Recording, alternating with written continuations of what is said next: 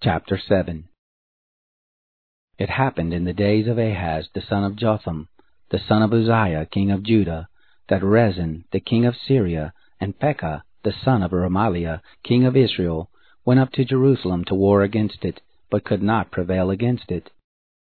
It was told the house of David, saying, Syria is allied with Ephraim. His heart trembled, and the heart of his people, as the trees of the forest tremble with the wind. Then the Lord said to Isaiah, Go out now to meet Ahaz, you and Shear-jashub your son, at the end of the conduit of the upper pool, on the highway of the fuller's field. Tell him, Be careful and keep calm. Don't be afraid, neither let your heart be faint because of these two tails of smoking firebrands, for the fierce anger of Rezin in Syria and of the son of Remaliah.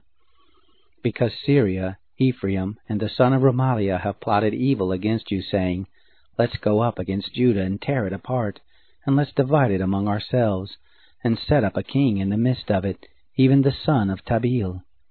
This is what the Lord God says, It shall not stand, neither shall it happen. For the head of Syria is Damascus, and the head of Damascus is Rezin. And within sixty-five years Ephraim shall be broken in pieces, so that it shall not be a people. And the head of Ephraim is Samaria, and the head of Samaria is Remaliah's son. If you will not believe, surely you shall not be established. The Lord spoke again to Ahaz, saying, Ask a sign of the Lord your God. Ask it either in the depth or in the height above. But Ahaz said, I will not ask, neither will I tempt the Lord. He said, Listen now, house of David.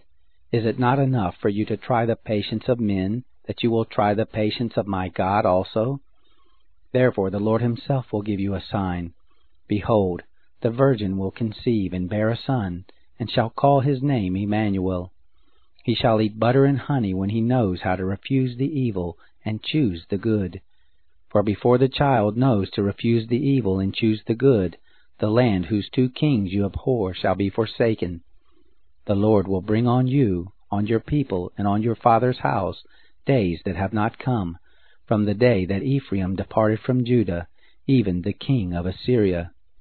It will happen in that day that the Lord will whistle for the fly that is in the uttermost parts of the rivers of Egypt, and for the bee that is in the land of Assyria. They shall come, and shall all rest in the desolate valleys, in the clefts of the rocks, on all thorn hedges, and on all pastures.